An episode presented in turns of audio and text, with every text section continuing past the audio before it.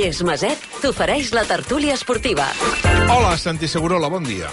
Bon dia. Hola, Joan Jupallàs, bon dia. Buongiorno, bon dia. Buongiorno des de Nàpols. I Roger Saperes, què tal, Roger? Hola, Basté, bon dia. Bon dia. Mira, jo ja és que si voleu parlar del partit i tot, sé que està molt bé, perquè per això estem aquí, però jo deixo començar pel Segurola. Segurola, saps quin era el hàndicap que vaig veure ahir? Al marge de que... Eh, eh, jo me'n recordo quan era petit que escoltava el Garcia i per la ràdio deia és que no le meten un gol ni a l'arco iris. O sigui, això cada vegada està passant més. Els primers 20 minuts del Barça ahir, per mi 20, eh? Uh, estan bastant bé, estan bé, molt bé, diria, uh, però no, no, no hi ha... No, no, no, no, no, no acabes fotent el gol. I la segona, cada vegada veig més un problema físic a l'equip. L'equip acaba fos els partits. Què et sembla?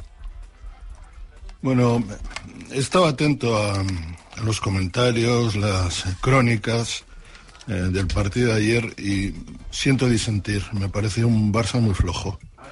Porque eh, eh, leo y escucho que jugó bien 20, 30 minutos. Los partidos duran 90. Si para mí los 20 primeros 30 minutos del Barça no fueron la mamá de Tarzán. Fueron correctos frente a un equipo francamente lamentable, frente a un equipo que está que, que confirmó ayer eh, punto por punto porque está en noveno en la en la liga italiana. Es cierto que en los primeros 20 minutos el Barça hizo cosas, pero tampoco es que eh, fu- fuera un bombardeo o, exigiera al portero cosas inverosímiles. Sí, el equipo se movió, intentó recuperar la pelota pronto frente a un equipo que se la daba pronto, pero en general me pareció que fue eh, potable lo que hizo en decente, lo que hizo en los primeros 30 minutos. Después fue un desastre. Me pareció que fue un equipo incapaz de llevarse por delante un partido que lo tenía clarísimo. Y no se lo llevó por delante porque se puso al nivel de su rival. Es decir, en realidad fu- jugó igual de mal que el, que el, que el Nápoles. Marcó un gol, un gol muy de Lewandowski, que por cierto eh, está siendo lo más parecido al Lewandowski que compró el Barça hace eh, temporada y media. Pero dicho eso, me pareció que, eh, que el Barça est- estuvo mal. Y me ha sorprendido la cantidad de eh, el optimismo que, que, que me ha parecido entrever en todos los comentarios alrededor del juego del Barça. Creo que no tuvo dinámica, perdió mucho la pelota, se dejó acorralar prácticamente durante 10-15 minutos por un equipo que, eh, francamente, vale muy poco y hasta se compromete la, la eliminatoria. No veo aspectos especialmente positivos en lo que vi ayer, más bien lo contrario. Joanjo? No, no, no seré tan, tan crític amb la- amb l'actuació del Barça. Eh, faré un, un, no, no és una anàlisi eh, optimista el que faré, però sí realista. O sigui, depèn de la mirada que facis sobre l'equip eh, i des d'on la facis, des de quina talaia la fas. Si fas eh, l'anàlisi del, del Barça comparant-lo amb èpoques eh, que ja no existeixen i que sembla que persistim en, en, eh, a fer reviure, doncs sí, eh, pot ser una, un Barça fluix, però estem par parlant d'un partit d'anada de la Champions League. La posada en escena del Barça va ser, per mi, bona, va sortir a dominar, ho va fer, va tenir tres o quatre ocasions de gol de Lamin, de Gundogan, de Lewandowski. Ara comentaves tu al principi del programa que el Barça té un problema de punteria. Bueno, és que, és que eh, a l'esglaó que hauria d'haver pujat al Barça eh, són aquells 150 milions d'euros que s'ha gastat amb jugadors que no han eh, marcat la diferència, que estan no fa falta repetir-los, no? L'últim està eh, encara per obrir, però no sembla que sigui una estrella mundial, que parlo de Vitor Roque. Llavors, si tu no puges aquest esglaó per cobrir la baixa de Messi, doncs el que pots aspirar és a fer partits com el de com el d'ahir. És a dir, jo eh, crec que el Barça nefast és el que empata contra la Granada a casa, el que es deixa fotre 5 gols contra el Villarreal, però ahir el Barça fa un equip, un partit digne, decent, eh, a un camp que és veritat que el Nàpols eh, va no bé i, i està malament, però bueno, el, el, estem a vuitens de final. El, el, el, el Dortmund va empatar a casa del Eindhoven, el, el del PSV, el Porto va guanyar l'Arsenal, el Bayern va palmar al camp del Lazio, és a dir, estem a vuitens de final, no estem a, a semifinals i estem a quarts de final. Per tant, el rival és el que és perquè toca per l'alçada de la temporada que estem. El Nàpols va guanyar la Lliga l'any passat i aquest any està eh, fatal, però, però venim d'on venim, jo crec que el Barça va, estar, mm, va fer un partit eh, correcte. Al final, eh, venim també d'una època en què estem criticant molt justíssimament a la defensa, que és un, un autèntic desastre, doncs ahir minimitzen molt les ocasions de gols, eh, en fan un al Nàpoles a l'Ociment, eh, fruit d'un error de l'anticipació d'Iñigo Martínez, però després sense fer un bon partit, perquè no el va fer el Barça a partir d'aquell gol, aguanta el temporal, que és el que s'ha de fer a la Champions, quan el rival et marca un gol a fora de casa i l'estadi apreta. I respecte a l'estat físic, jo crec que és, és un tema més eh, anímic. El, el Barça pateix molt en, en, en, en, el, en el moment en què l'escenari varilla, però l última ocasió la té Gundogan, és a dir, sí. podríem estar parlant d'un 1 a 2 i al minut, eh, a l'últim segon, l'última jugada és Gundogan atacant, per tant, sí, és veritat que el Barça es desfà, però l'última ocasió la té, la té el Barça. Jo, no, o sigui, jo faig més una anàlisi realista, eh, és a dir, el, situo en el context d'aquesta temporada. Eh, I en el context d'aquesta temporada, el partit d'ahir em sembla una cosa bastant presentable. Eh, amb un equip que, que, que, que, es, que es mostra bastant compacte, però que davant té el que té, i el que té és eh, la descripció d'una mala inversió, d'una dilapidació de diners, eh, que han fet que la marxa dels eh, Neymars, dels Messis, dels eh, Suárez, doncs eh, hagi substituït eh, per, per gent que no, que no dona aquest nivell com per pujar l'esglaó desitjat. Val, un, un moment, eh, Roger, sí, sí, que, que em demana pas la Mar Poyato perquè hem escoltat de la, sobre la sentència de Dani Alves que a mi m'ha sorprès... Eh, és que el que més m'ha sorprès no és la sentència en si, perquè, mira, un jutge pot dir, doncs mira, són quatre anys i mig, perfecte.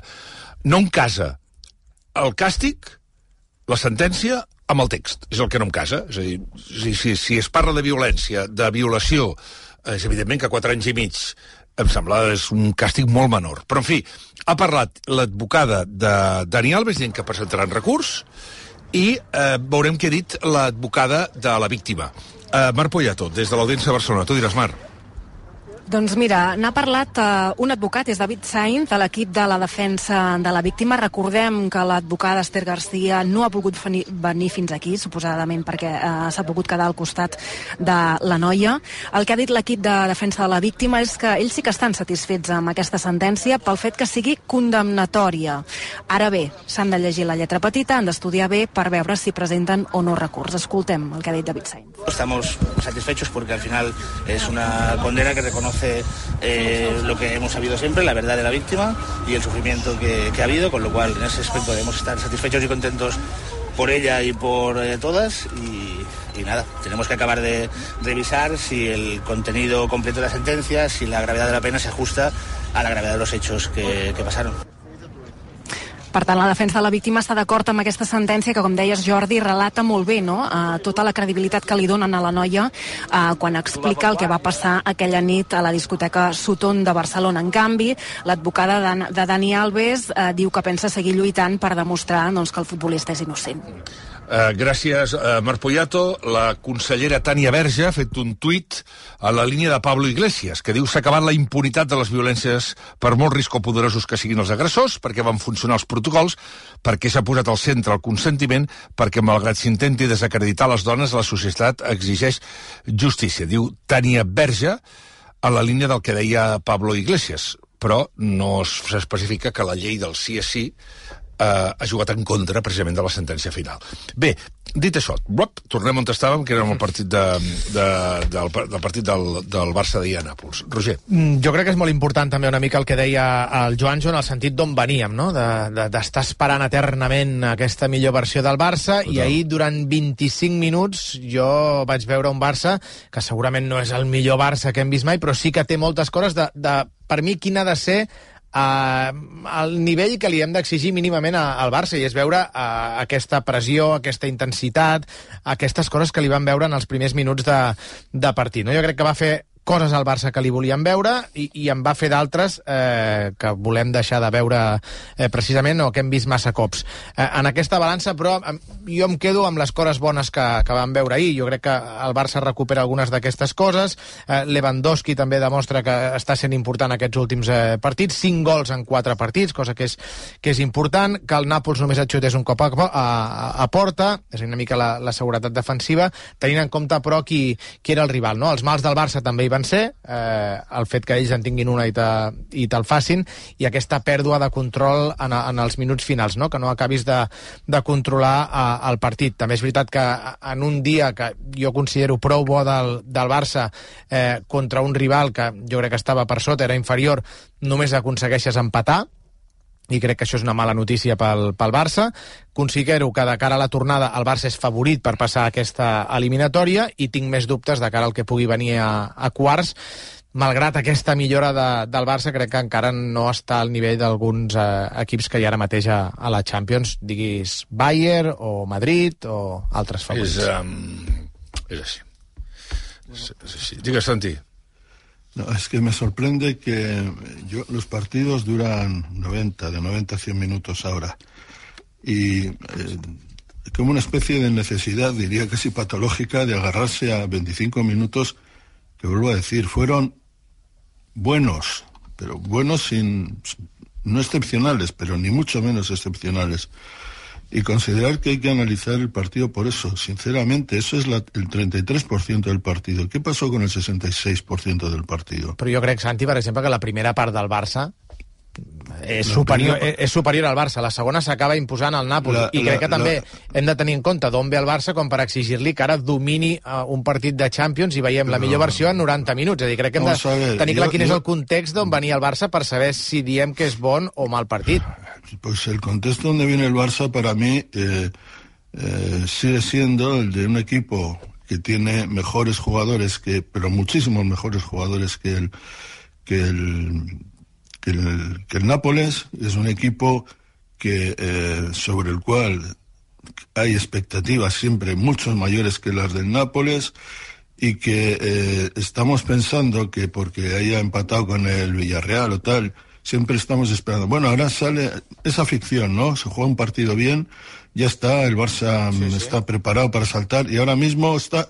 A mí lo que me pareció es que el partido, en términos generales, eh, fue flojo del Barça, pero francamente flojo. Vuelvo a decir, dos tercios del partido fue una calamidad. Entonces, es que- podemos analizar si el partido, el árbitro cierra el partido en el minuto 25, en el 20 del 25, pues dice, "Ah, pues mira, eh, ha estado bien, empate a cero, pero ha exigido una parada con el pie el portero porque las otras dos fueron palomitas. Y, y ya está. Y, me parece que es- ese nivel de exigencia es precisamente ese poco nivel de exigencia, porque está en condiciones un poco espesas, porque no sé qué, porque mira que empató. tal.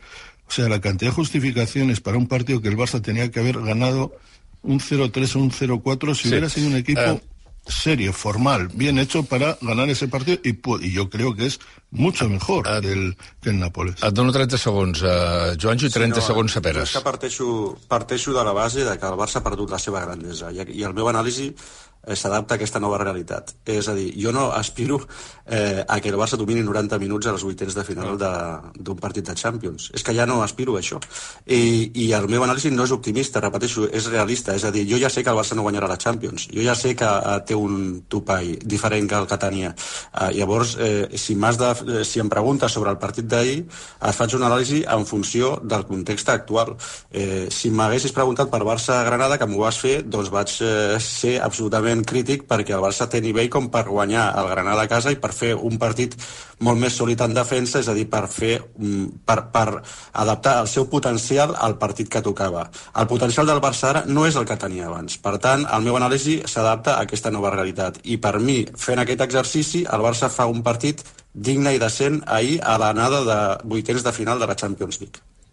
Ah, i, No, i no, per no, acabar, Roger. res, molt ràpid. Anava a dir que precisament perquè no té continuïtat vaig a la línia del que deia una mica el Joanjo d'analitzar partit a partit. Jo crec que si aquesta fos una mica la línia del Barça en tots els partits, estaria més a prop de guanyar que no pas de perdre i de fer eh, algunes actuacions com, que, com les que li hem vist a, a, contra el Granada, contra el Villarreal, amb moltes coses per millorar, sí, però jo crec també que en el context de ser un partit de Champions dels vuitens, el partit del Barça ahir és més aviat bo que no pas, eh, que no pas dolent, tot i que tingui moltes coses per millorar, tot i que tingui algunes mancances sí. i tot i que cregui que en els quarts pot tenir difícil anar més enllà. Acabem només un comentari que certifica el que he començat dient en aquesta última intervenció el Joan Jopallàs, que és que jo ara parteixo d'una base d'un Barça com és. Mira, com afecta a nivell institucional, et diré que fa 10 anys o 15 si Kylian Mbappé venia al Botafumeiro de Barcelona, encara que s'hagués anunciat a l'Àsia al Marca que estava fitxat pel Real Madrid, molts dels que estem aquí ara sospitaríem que el Barça estava intentant fitxar a Mbappé. Abans d'ahir, quan ens vam assabentar que Mbappé estava al Botafumeiro, vam preguntar què va venir a fer Kylian Mbappé a Barcelona. Ningú se li va passar pel cap preguntar-se si el Barça volia intentar fitxar a Mbappé. Per tant, la realitat de l'equip la veu el Joan Jupallàs com la veu, que és per un 5, la realitat del club que veiem com és ara també és un 5. És a dir, hem partit de la base ara en aquests moments de que el Barça està com està, com a institució i com a equip. És així. Dos minuts i les 12 en punt del migdia. Recordeu que Bordalàs, que no aguanto, ve dissabte al Camp Nou. No aguanto, és que no aguanto el Getafe. És un equip quart que de em cau cinc a tan Montjuïc, malament, a un quart de cinc a Montjuïc. I Yo no, després... sé, yo no es el equipo que más faltas hace en la Liga Española, ¿eh? Ja no és? No. Joder. No es el equipo que más faltas hace. Pues- Es el tercero que más faltas Hostia, hace. pues- Empieza el número uno es la Real Sociedad, Sí. el número dos es el Mallorca, tercero es el, creo que es el Getafe o el Cádiz. Pues, pues imagina't. Pues el Getafe dimecres, dissabte, diumenge a les 9 de la nit, Real Madrid-Sevilla, bon partit, i dilluns Girona, Rayo Vallecano, a les 9. Aviam, eh, s'ha acabat la... Eh, espera, que hem de tirar la... Sí, espera, un segon, encara, un segon. Pares, quantes caixes de vi i cava us han portat els de Maset, no?